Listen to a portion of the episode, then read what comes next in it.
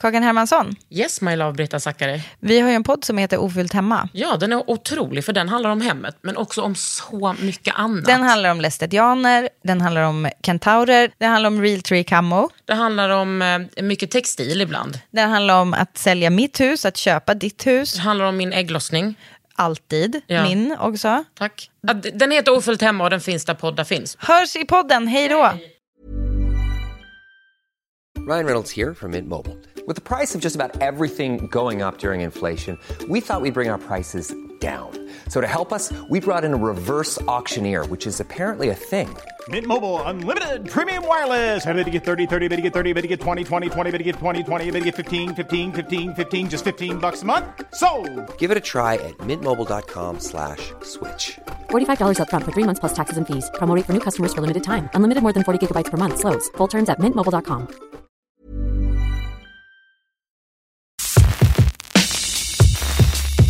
Idag kommer Sofia Dalén hit till Underhuden och vi pratar om hennes bok, bland annat Patient.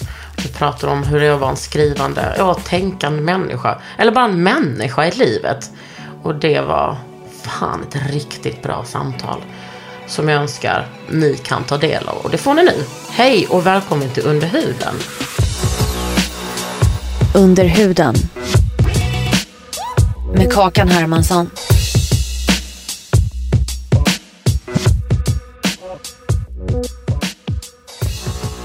Sofia Dalén. Du har alltså var- blivit nominerad till både Borås och Umeå, som man säger i författarkretsar. Katapult. Ja, och det är Författarförbundets egna. Alltså det är liksom the most hardcore man kan bli. Eller the most, eller vad man säger. Alltså på första bok, ja. Jag tror det. Va, hur, alltså, du känns ju också som typ inte Nobelpris är att förstå att du är en otrolig författare. Nej. Men hur, vad, vad tänker du ändå när du har fått de här två nomineringarna? Eh, nej men alltså, jag vann ju inte. Men jag kunde vara, kunde gud. Nej men alltså, det, det skiter jag i. Alltså uppriktigt skiter jag i. Förutom att man kunde få cash. Ja, Det är det enda som är tråkigt med att inte vinna. Men eh, jag tyckte att det var, det var såklart svinkul och jag tro, hade uppriktigt aldrig trott det.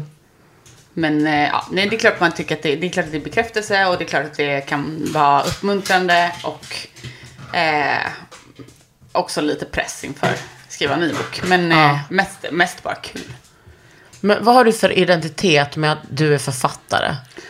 Alltså jag säger det bara när eh, jag typ känner att det är... Okej, det här går inte. Det är det, Koko. Vi har en hund och det är ingenting. Var, det inte, var inte det grisörat gott? Jag kommer ihåg när ni skaffade Coco. Och din kille var så här. Det är som att ha ett barn. Alltså det är fortfarande, han pratar fortfarande om att han eh, blev utbränd Från när han var han var valp. Han var så jävla jobbig. Men ja, jag har, jag har inget barn så jag kan inte jämföra. Nej, man kan ändå tänka mig lite. Jo, i alla fall. Du författar. Du säger bara det.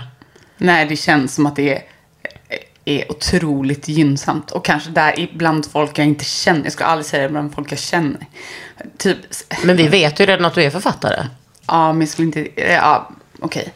Kanske typ så, häromdagen när jag skulle, för jag jobbar ju med lite andra saker också. Häromdagen så skulle jag liksom ha ett möte för att eventuellt få ett gig. Och det handlar om att skriva grejer, fast liksom inte skönlitteratur. Och då droppar jag att jag också är författare. Och då, för att jag tänker att ja, det kommer liksom vara sista pusselbiten i att jag får det här gigget. Och ja, typ så. Eh, Men, men jag, jag, har jag tycker att det är jättesvårt att identifiera mig med. Varför det? Men Därför att jag... ehm, därför att jag tror att jag eh, gillar att ha skrivandet som en separat grej. Liksom. Jag gillar och jag gillar det jag håller på med annars. Och eh, jag gillar att inte liksom tänka på det som min brödföda. För att det också kommer med så mycket andra saker. Alltså att jag, jag uppskattar liksom litteraturvärlden och scenen jättemycket på jättemånga sätt. Eh, jag har jättemånga, liksom, tack vare att jag har befunnit mig i den sfären ett tag, så har jag liksom många jättegoda vänner som jag aldrig hade kunnat skriva min bok utan. Eh, men jag har jättesvårt att föreställa mig Till exempel sådana saker som att så här, skriva kritik, skriva essäer, kommentera på kulturella samtidsfenomen.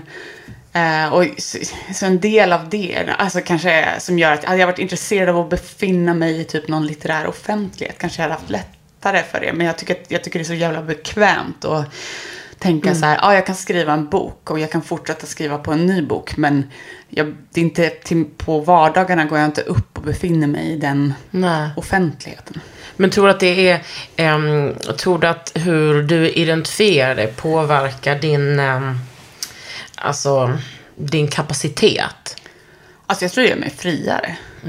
Jag upplever det i alla fall. Eh, ja. Det gör att jag nu känner att jag håller på med någon liksom skitkonstig ploj verksamhet när jag skriver. Eh, Ja, liksom som att du, du, inte vill, du vill inte ta det för, för mycket på allvar, för då blir det för real på något sätt. ja, att det blir... ehm, I det här i ett tidigt skede så, så är det, tycker jag att det är mycket härligare att tänka att man bara prövar. Alltså det, det brukar jag tänka på som en författares liksom, privilegium. En av de bästa grejerna med att ägna sig åt just den konstformen är att man typ aldrig behöver berätta vad man har tänkt att göra. Man behöver bara visa vad man faktiskt har gjort klart eller har Ja. gjort. Till skillnad från, jag jobbar mycket med film annars. Eh, och alltså inte inom att göra film utan eh, distribution av film. Alltså se till att film kommer ut på bio. Och där är det liksom det är den totalt motsatta processen där man ska stå på en scen och pitcha en idé som bara är liksom ett litet synopsis. Och man har, all, man har inte filmat en ruta, man har inte kastat en enda person, man har inte skrivit en enda dialog. Och i finansieringsfasen, för att det kostar liksom en, den, liksom den minsta filmen kostar 8-10 miljoner att göra. Ofta kostar de liksom 10 gånger så mycket. Eh, även om det är liksom en indiefilm. Och då måste man liksom berätta, före man ens har tagit första steg, måste man berätta vad det är man ska göra. Ja, det är och så jag jävla får naket. Ja, men jag får total panik. För att hur ska man, alltså jag uppskattar att skriva för att man inte vet vad det är man gör själv. Alltså Mm. man låter man kan aldrig fullt ut veta vad det är man ska göra. Och det, det tycker jag är det, en av de mest behagliga sakerna med att, med att skriva. Är det, alltså är inte typ så, att skriva typ den noblaste konstformen? Jag tänker att den är så, att den är också mest så respekterad. Är den det? Ja men, jo, men det tycker, alltså jag menar, jag är konstnär. Jag tycker att den, den konstformen är inte alls lika respekterad som att vara författare. Det är väl för att eh, konst kan folk göra lite vem som helst och kalla sig konstnär. Så kan man ställa ut så kan det vara så här, wow, eller alltså jag fattar ingenting. Men en bra bok är ju liksom ändå en bra bok. Ja, men det kanske finns en typ av, liksom, alltså att litteraturen på något sätt fortfarande bara manifesterar sig, eller inte bara, men till stor grad bara manif- manifesterar sig som liksom ting i världen när den blir publicerad, of- ofta då Ja. av ett etablerat förlag. Men det, den, det fenomenet tänker jag håller på att liksom bli, inte perifert, men, men ta mindre, vara mindre av, liksom, alltså vara en mindre del av kakan. Det finns ju såklart sedan länge liksom andra sätt att publicera sig. Eh, så att det, jag tror att kanske från ett utifrån perspektiv kanske ja. Mm, Att det liksom finns någon så här äh, gallringsprocess som det, boken finns inte ens förrän den gallringsprocessen är gjord. Medan kanske i, om man håller på med skulptur eller bildkonst så kanske bilden kommer först och, s- i världen innan den blir liksom upptagen i en eh, i någon slags... Eh, Ett sammanhang. Ja, precis. Du har, det känns ju som att du också är en, alltså som att du först och främst kanske är poet.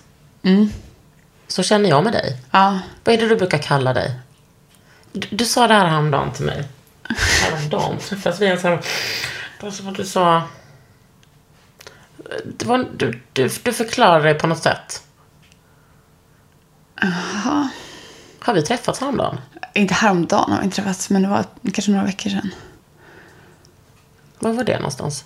På ditt landställe, tror jag vi såg sist. Ja, men det var ju så länge sedan. Ja, det kanske var jättelänge sedan. Ja. Jag har tidsuppfattning. Nej, men det, var, det kanske jag läste om dig. Nej, men det var hur du... ehm, hur du förklarar dig själv. Jag tycker, det, det är ju en upplevelse att läsa Patient, som din bok heter, för att det är en uh, sköljmedel härligt att läsa. Alltså det är så sömlöst att läsa. Alltså jag tycker inte att poesi brukar vara så um, behagligt att läsa. Även om det också är ett skitjobbigt ämne. Så tycker jag att det, det flyter på så fint. Och det är, jag tycker det är ganska ovanligt. Att det kan vara så svårt men lättillgängligt. Kan du förstå vad jag menar? Ja, det, jag blir glad för det. För det är någonstans det jag själv uppskattar ofta när jag, när jag läser. Alltså det är liksom... Eller jag ville liksom inte associeras kanske med en svalhet. Utan snarare med liksom, hellre med en eh, tillgänglighet och en liksom eh, en rytm och... Eh, alltså jag är verkligen, eh, har, jag är liksom absolut inte musikalisk. Men när det kommer till ord och fraser så är jag rytmisk. Det är liksom den enda, alltså, det är liksom den rytmen jag kan förstå. Du kan Eh, också förstå galopp och trav. Ja, Du okej. ska inte sticka under stol med det. Okej, det är också en typ av rytm som jag, jag kan absolut. Men eh, då är det någon annan som utför själva rörelsen. Eh, Men eh, jag, ja, så det, det är liksom som att eh, det- är så nära liksom. Alltså det, det känns som, jag, jag kommer närmare liksom verkliga rörelser genom text än vad jag gör genom att eh, vara i min kropp på något sätt.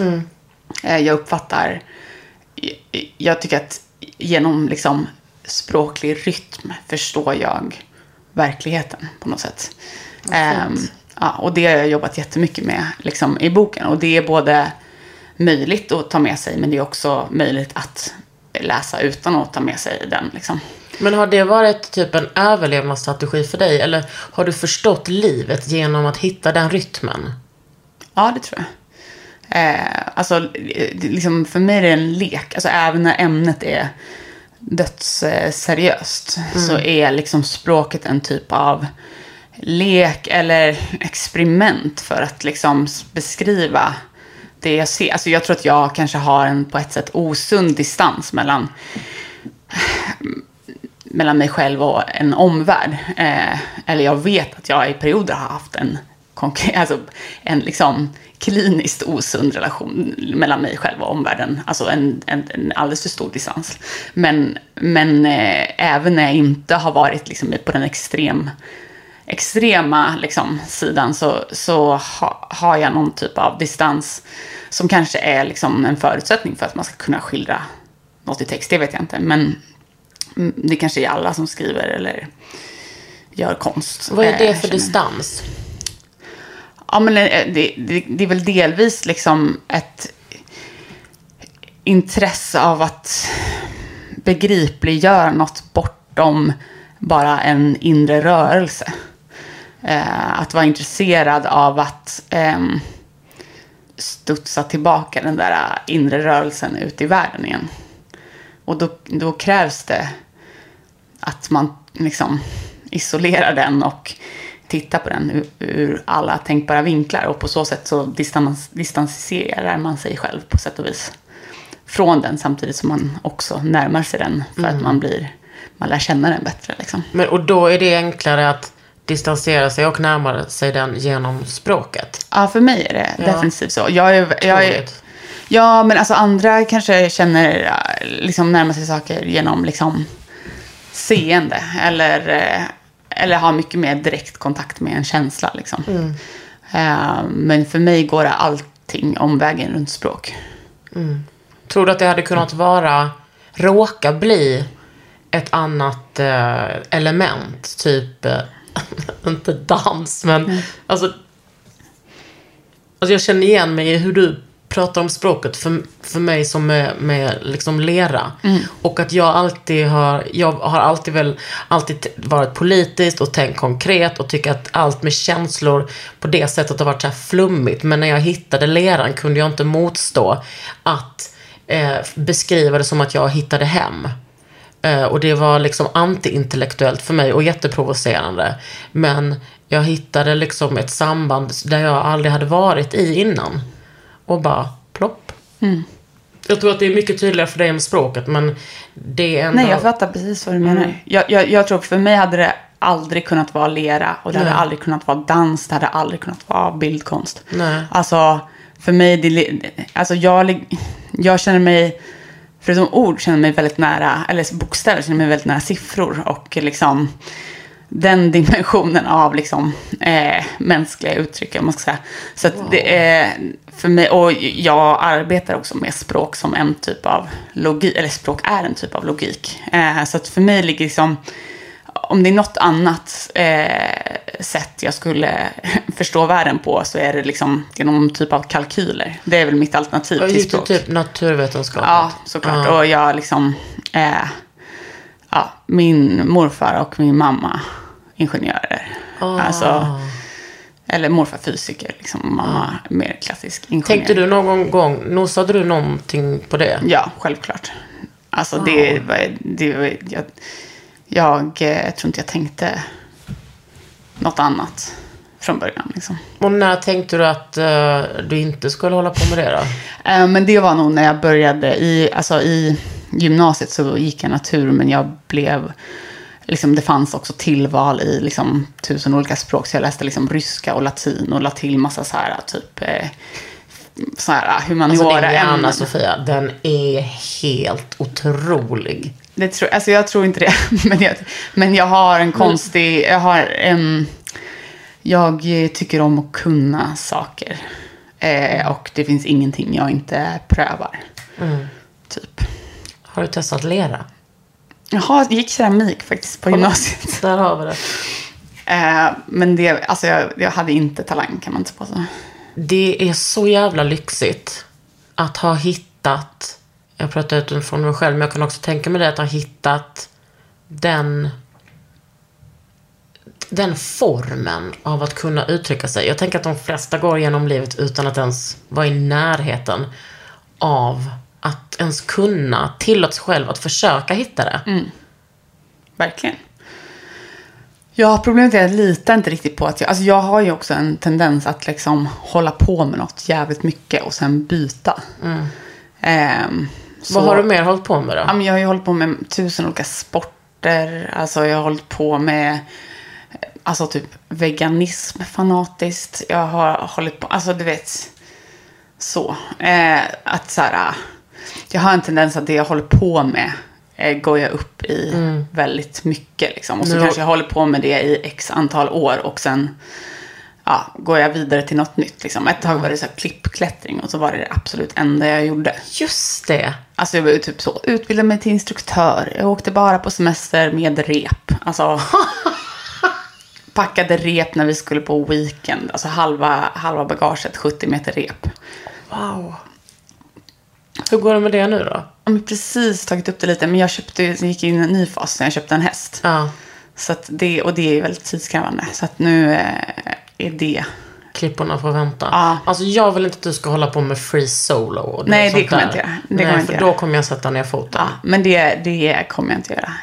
Det, jag, är inte, jag, är, jag håller på med ganska mycket sådana liksom, eh, sporter med hög dödlighet.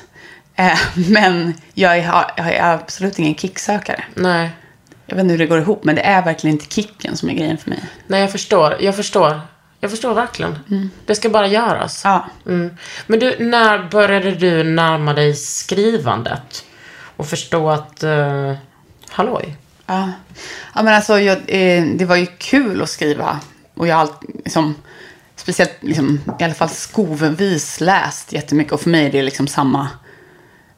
Alltså alla som läser skriver kanske inte, men det går inte att skriva utan att läsa på något sätt. Eh, så det är jättetajt liksom, sammanflätat. Och ehm, att jag periodvis har läst jättemycket. Och eh, ja, jag gick på liksom, journalisthögskolan efter gymnasiet och då var liksom, skrivandet mer en sån grej. Liksom, att, för att det kändes mycket mer liksom, yrkesmässigt eller seriöst. man säger. Men nosade du på den där känslan då? Av att skrivandet och orden var...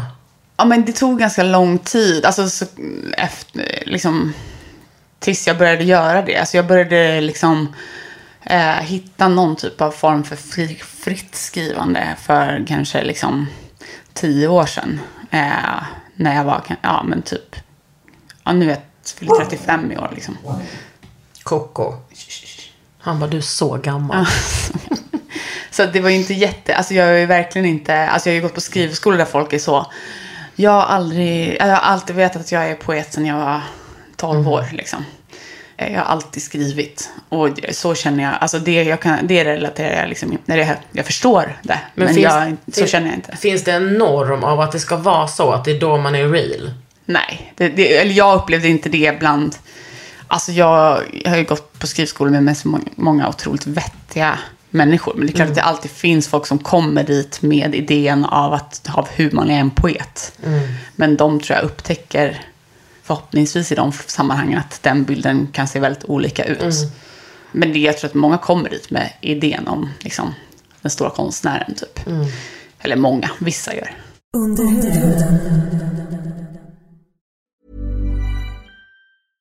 Hey, I'm Ryan Reynolds. At Mint Mobile, we like to do the opposite of what Big Wireless does. They charge you a lot, we charge you a little. So naturally, when they announced they'd be raising their prices due to inflation, we decided to deflate our prices due to not hating you.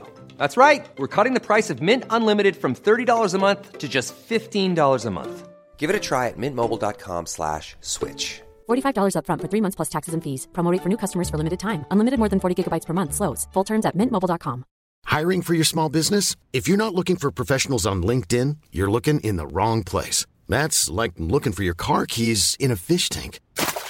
LinkedIn helps you hire professionals you can't find anywhere else, even those who aren't actively searching for a new job but might be open to the perfect role. In a given month, over 70% of LinkedIn users don't even visit other leading job sites. So start looking in the right place. With LinkedIn, you can hire professionals like a professional. Post your free job on linkedin.com/people slash people today. Skulle du säga att boken är liksom ett, ett ehm, är ungefär det som du har skrivit innan? Alltså, Har det varit personligt innan? Har det varit liksom hämtat från verkligheten? Ja, mycket. Alltså, mycket. Och alltså, jag tycker att för mig när jag skriver poesi så, så är det inte så existerar inte den poetiska världen i en sci-fi värld. Utan den utgår från en liksom någon form av känsla av äkthet. Och med äkthet menar jag inte i detalj faktagranskad, utan liksom eh, någon slags, eh, att komma så nära en äkta kärna som det är möjligt. Och då är alla medel tillåtna. Och varför är den äktheten så viktig? Ja, men annars förstår jag inte, alltså äkthet, inte som i liksom essens, utan mer så här att pröva ett fenomen, en upplevelse. Eh, att pröva den in i liksom, så man kommer så nära den som det bara är möjligt. Så att man kan återbesöka den eller så man kan, ja, eh, och, ja jag vet inte, det är väl för att det är det enda jag tycker är, känns intressant. Alltså, Eh, alltså, jag, jag tänker att för även folk som skriver, alltså finns ju sci-fi poesi. Alltså, jag tänker Harry Martinsons Aniara är ju sci-fi poesi, men den, kom, den är ju den är inte skriven, den, den handlar ju om att komma någon slags mänsklighet nära. Eh, alltså alla former av uttryck handlar väl på något sätt om att komma nära någon slags sanning utan att göra anspråk på att det finns en enda sanning. Eller, mm. Men Vad handlar patient om? Patient handlar om två systrar. Eh, Den ena är en byggingenjör och den andra är eh, svårt psykiskt sjuk och su- suicidal och är inlagd på, eh, tvångsinlagd på psyket. På Huddinge sjukhus. Visst har, har hon anorexi? Eller? Systern? Ja. Hon har en, alltså, Hon har en hel del.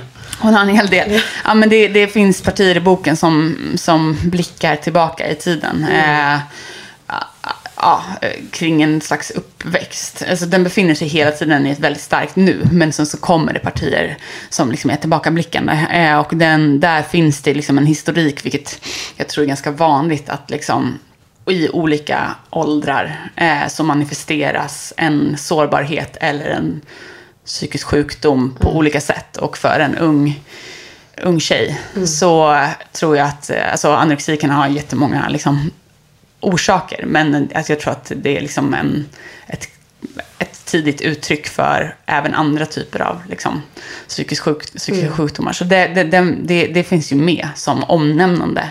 Den rabblar möjligen diagnoser. Men i huvudsak så handlar den om Alltså två världar som krockar. En person som är totalt irra- irrationell enligt alla våra mått som liksom... Ja, men det står att, eh, att hon på något sätt skändar den grundläggande överenskommelsen om att det vi ska göra är att leva. Eh, och genom att försöka ta livet av sig massa gånger så, ehm, så ärar hon inte den överenskommelsen. Eh, Medan systern som är då, kommer från någon slags logikvärld som ingenjör och gärna ställer upp formler för hur tillvaron borde fungera. Eh, hon har ju svårt att... Alltså hon blir lite så fyrkantig i sin förståelse. Så att det blir omöjligt för henne att ta till sig. Hon använder olika strategier då genom boken för att försöka förstå sig på den här alternativa världen som hennes syster befinner sig i. Både genom att hon är i en sluten psykiatrisk avdelning men också för att hon har ett, ett annat förhållningssätt. Ett mycket mer, man skulle kunna säga att hon har ett mycket mer poetiskt eller liksom konstnärligt eh, förhållningssätt till livet. Där allt är möjligt, till och med att ta livet av sig. Medan den här eh, logiska systern har en väldigt rigid föreställning om livet. Eh, Känns där, det som att de flesta har det? En rigid föreställning. Ja. Ja. Det är svårt. Ja. Speciellt när det är folk man älskar inte har det. Ja, och verkligen. kolla på andra möjligheter. Mm. Som är liksom en största ångest. Var det självklart för dig att, att liksom beröra det här ämnet? Alltså det var, jag tror att det kanske är en av anledningarna till varför jag inte tänkte att det här skulle bli en bok var nog för att jag var rädd för att beröra ämnet. Alltså jag hade ju ett behov och en, ett, uppenbarligen ett intresse av att skriva om ämnet. Och det, det, liksom, jag vet ju att under hela processen, när jag gått skrivskolor, när jag skrivit i andra sammanhang, så har ju det jag skrivit om det här ämnet blivit i alla fall bland det bästa jag skrivit. När jag har försökt skriva om helt andra saker så kanske vissa saker har blivit helt okej, men det är sällan någonting som, som får liksom sällan en båge som kan spännas så att det räcker över en hel bok. Liksom. Men vad har, vad har du dragit för slutsatser då? Att om, om det blir bäst när det är så nära dig. Ja. Alltså, jag, en kompis till mig som också är liksom författare, hon sa typ, du måste skriva om Det är 100% Det här. Carro, eller hur? Ja. Carro Ringskog. Men Ja. jag kommer också ihåg att hon, hon har väl varit någon som typ handlat dig eller läst din bok innan. Ja, inte handlet, men, vi- men hon... Alltså när jag Bollat. kände att jag hade kört fast eh, så var hon den sista personen som läste... Alltså nej, inte kört fast. När jag kände så här, nu kan jag inte göra mer själv. Jag behöver ha nya ögon. Då läste hon och hon sa, ändra inget, skicka in den. Ja, men jag kommer ihåg hur hon, hur hon sa det, det här är någonting som ing, det har aldrig släppts i Sverige. Det har liksom inte, ingen har skrivit så här bra någonsin. Då blir man ju lite nällad. Ja. Och så, så tänkte jag, herregud, jag har så höga förhoppningar nu. Och så läste jag, så var den ännu bättre. Fan vad fint. Och den, jag kommer ihåg exakt var jag låg när jag läste den. För jag läste den på typ så två dagar eh, i somras. Och jag bara, jag var i ett hus på Orust och bara läste och läste och läste. Jag bara, stör inte mig! Och bara, bara gled in i mig. Ja, den är fantastisk alltså. Tack. Ja, men jag blir glad när folk säger att, den, eller ja, jag och eh, en annan, jag vet inte, jag kan säga massa namn. Men jag och en annan författare höll på att chatta om det och skämta om att så här, de här böckerna vi har skrivit som har tagit sju år att skriva, som folk läser ut på 45 minuter. Jag vet. Eh, men jag gillar det på något sätt. Alltså, jag tycker att det är en, alltså jag tycker att det kan vara en väldigt bra egenskap hos en bok där man bara kan eh, liksom eh, skölja igenom den och sen så om man vill kan man läsa den en gång till och Ja, hitta någonting tre gånger annat. till. Jag tycker att den är bra att läsa lite sådär då och då. För den är ju, den är också vacker. Eh, som att läsa bitar, som små dikter typ. Men den är... um, Framförallt så kan man ju ni som författare inte kontrollerar hur snabbt man ska läsa den på. Men det är väl bara mer, hur många böcker har man inte läst som bara, okej, men den här stan, den har stannat kvar hos mig. Mm. Och jag har rekommenderat den till liksom alla människor. Fan vad fint. Ja, älskar att vara en hype girl alltså. Ja. När den släpptes, hur kändes det? Men jag kommer ihåg att eh, jag, jag hade tänkt så här, jag bara, ja, men folk säger så, det är så jävla jobbigt att ge ut en bok, fy fan vad jobbigt det är. Och jag var så, jag bara, det här har varit så himla lätt, det har bara varit kul typ. Eh, när jag suttit med typ så, min underbara förläggare, min underbara redaktör, min underbara formgivare. Alltså du vet så här, fan vad roligt det har varit, fan vad fint det har varit, fan vad kul vi har haft och typ så. De har fattat precis vad jag har velat, wow liksom. Jag bara, det här var väl ingen konst. Eh, och då så kommer man till liksom den här sekunden när man kan släpper och inte kan ändra mer och sen inte sover på tre veckor. Först den kommer från tryckeriet och man drömmer mardrömmar varje natt om att någonting ska vara, ha blivit fel. Och sen så ska man sitta och vänta på några fucking recensioner. Och eh, då var det som att jag bara, jaha, alltså Navid sa ju till mig, min kille sa ju till mig att, eh, alltså han är ju liksom mitt största fan, min största hype man. Jo, tack. Eh, han älskar allt jag någonsin har liksom rört vid. Ja. Han sa, till och med han sa, jag vet inte om du ska skriva fler böcker om du ska må så här. Ja. Eh, så det är vidrigt. Och det tror jag inte att det är unikt för mig. Utan det, det tror jag, alltså det, var, det låter kanske liksom bortskämt. Men, men det var, det var fan inte kul alltså. Nej, men är det för att bli bedömd?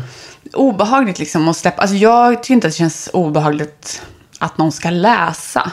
Men jag tycker att det känns konstigt att eh, någon ska tycka så att det når mig. Alltså, för jag tycker, jag tycker liksom inte att det rör mig när någon tycker någonting om min bok. Alltså då har jag, jag har ju gått vidare. Ja, men jag, jag fattar exakt.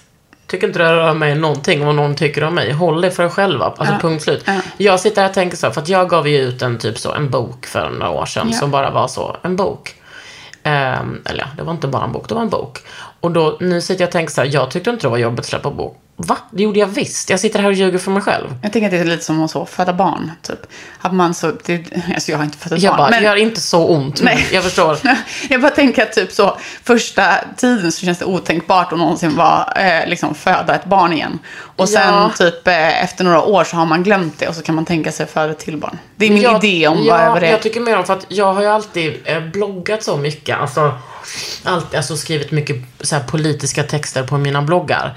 Eh, och eh, ja, då finns de där ute på internet och de, är en av en miljard, 80 miljarder texter som ingen bryr sig om 30 minuter senare eller tre dagar senare. Men en bok är så permanent. Mm. Uff, obehagligt. Ja, men det är lite obehagligt. Men det är också en sak som är fin, tänker jag. Ja. Alltså det är coolt ändå. Alltså när det kommer liksom till den... Alltså nu skulle inte jag säga att så här, mina läsare har varit tysta, för det är jättemånga som har hört av sig. Men när det kommer ändå till den där liksom, läsaren som jag bara kan fantisera om vem det är, som jag inte har en aning om det. Alltså någon helt så random person. När det kommer till den läsaren så tycker jag att det bara känns fint att den helt... Alltså jag har ingen koll på när den lånas på ett bibliotek Nej. i random stad någonstans. Och det tycker jag är... Det tycker jag känns liksom... Det känns bara fint. Men när det kommer till det här, den typen av läsande som det är meningen att jag ska nås av, så har jag Vad kan det problem. vara för läsarna då? Ja, men typ recensioner. Har du fått en enda dålig recension? Eh, alltså jag har ju inte läst mina recensioner. Men Nej, men din hype man hemma har ju gjort det. ja, jag har gjort det och gett mig citat. Eh, och också, eh, det kan finnas eh, eh, typ en eller två personer som han har velat, eh, ja, beep, men liksom. Jag förstår. Eh, som han inte varit så, så, ja. Och då har jag ju förstått att det har funnits, ja men jag vet att det har funnits en recension som var en diss. Men eh, övriga bra, eller jättebra. Det, är ju, jag menar, det är helt, det är vem, helt okej. Vem lever än så? Nej, det ju, ja. ja. Men var du orolig för, ehm, alltså jag tänker bara din familj, alltså Mm. när du gav ut den här boken, vad tyckte din syster? Ja, men jag eh, var...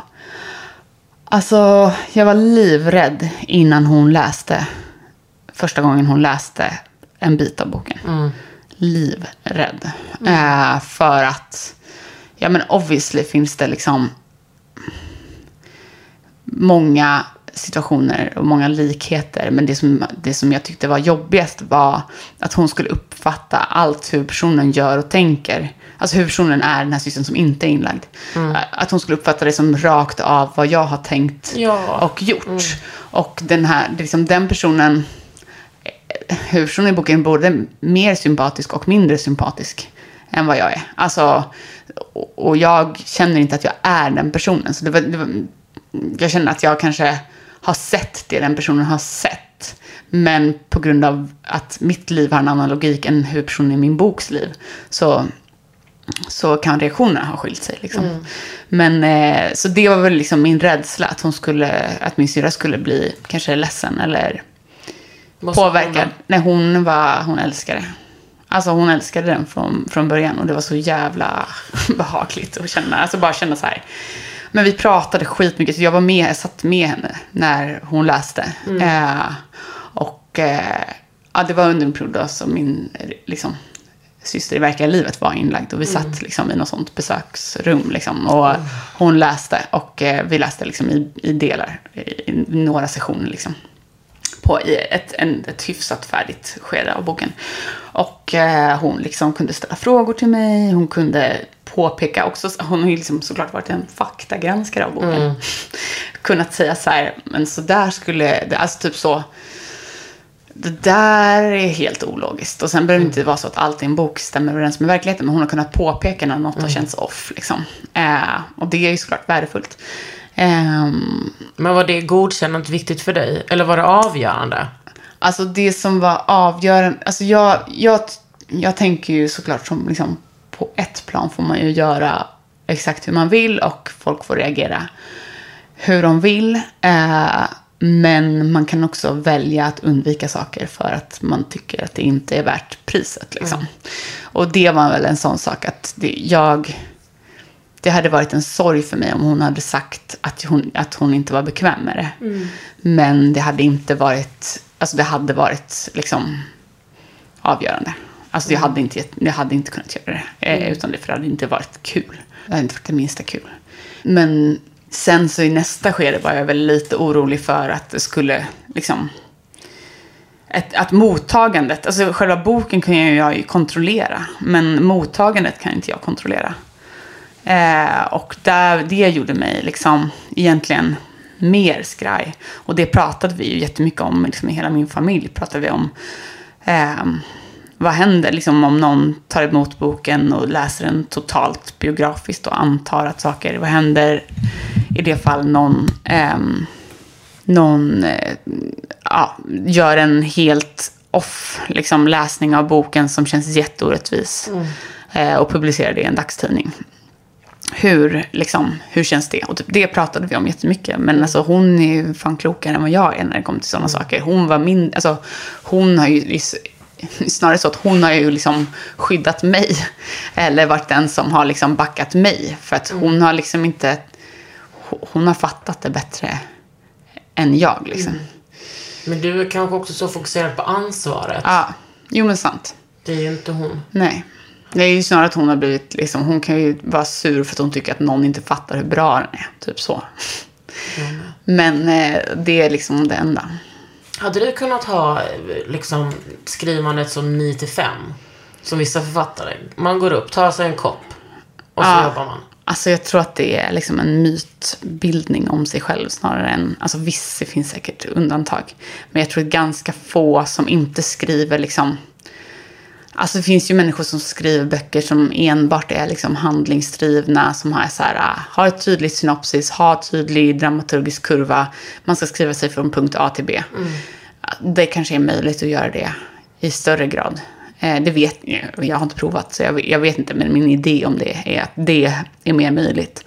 Ehm, Men jag har svårt att tro, alltså det, ja, att den, då handlar det nog kanske om att, hur man definierar skrivande. För jag kan tycka att när jag, jag har vissa liksom referen, viss referenslitteratur som jag läser inför i relation till, eller jag skriver i det jag håller på att skriva nu, skriver jag mycket i relation till vissa, vissa liksom stora kända verk. Och då såklart är det en del av mitt skrivande, att läsa och eh, kolla upp saker i de verken. Så att det, ja, om man tar in det hela, att läsa och skriva, så visst, det hade jag kunnat göra. Alltså, det har jag gjort de åren jag har gått på skrivskola, är ju det, det enda jag har gjort. Och det har ju varit helt fantastiskt.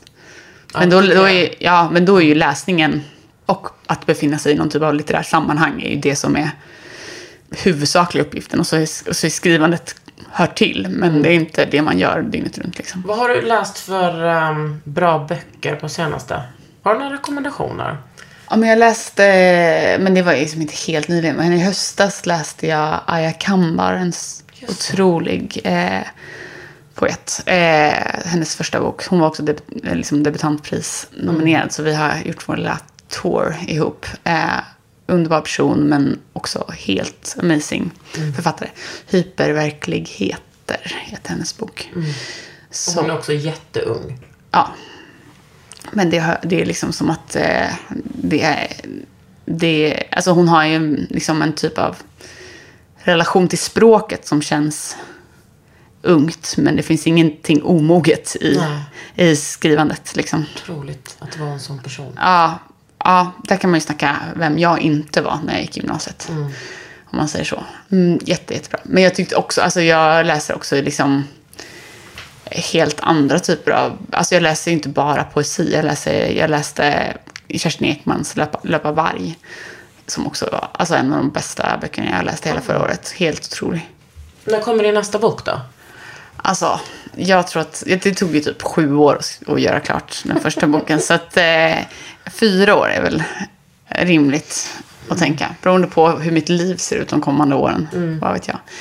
Ehm, det, det, jag tycker inte att det känns viktigt att ha bråttom. Det är lätt att tänka så. Man ska smida medan järnet är varmt och bla bla. Men Det där järnet kommer vara varmt hur länge som helst känns det som. Ja, det funkar, jag tänker att det funkar lite annorlunda i den världen. Speciellt om man då inte förväntar sig att man ska liksom le, leva på det. 100%. Men är det, anses det lite fult i er värld att liksom ehm, ge ut böcker ofta, att spotta ur sig böcker? Är inte det genuint då? Oj, det vet jag inte. Alltså, jag vet inte om jag är i så god kontakt med den här världen för att veta exakt vad som är anses fint och inte. Men eh, det finns en otrolig författare som heter Leif Holmstrand. Eh, som konstnär och författare. Eh, han, han är sån. Hans liksom, melodi är eh, publicera allt och ofta. Och eh, han ger ut böcker hela tiden. Alltså hans liksom, lista över böcker han har skrivit är enorm. Och samtidigt producerar han liksom, utställningar och alltså otrolig konst. Eh, och jag tycker att det är en underbar filosofi för att ta ner det på jorden lite och inte att det ska bli så jävla heligt liksom, med den här boken. det Samtidigt som den är lite helig på något sätt. Ja. Eh, men jag tycker det är skönt för att, att, att man behöver inte definiera sig. Liksom, om man vill skriva en bok som är definitiv, då kan man göra det. Men man måste inte göra det på det sättet. Man kan vara, befinna sig i ett författarskap genom flera böcker. Och att det kan vara summan av kardemumman som är, som är grejen. Liksom. Det är så kul att gå in i era hjärnor och veta vad ni tänker. Ni är stora författare alltså. Ja, visst. Tack för att du ville komma till Underhuden. Jag heter Kakan. Jag heter Sofia. Precis, och du har lyssnat på Underhuden.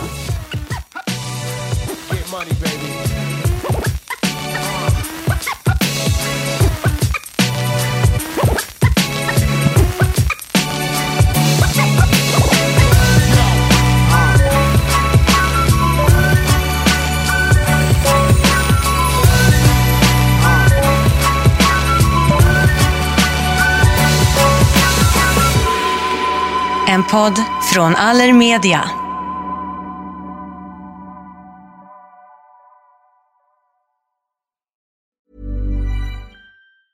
Even when we're on a budget, we still deserve nice things.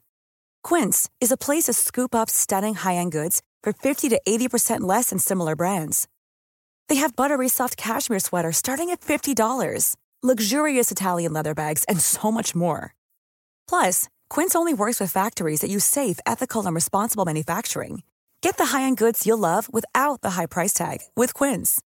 Go to quince.com/style for free shipping and 365-day returns. Mom deserves the best, and there's no better place to shop for Mother's Day than Whole Foods Market. They're your destination for unbeatable savings, from premium gifts to show-stopping flowers and irresistible desserts. Start by saving 33% with Prime on all body care and candles. Then get a 15-stem bunch of tulips for just $9.99 each with Prime. Round out Mom's menu with festive rosé, irresistible berry chantilly cake, and more special treats. Come celebrate Mother's Day at Whole Foods Market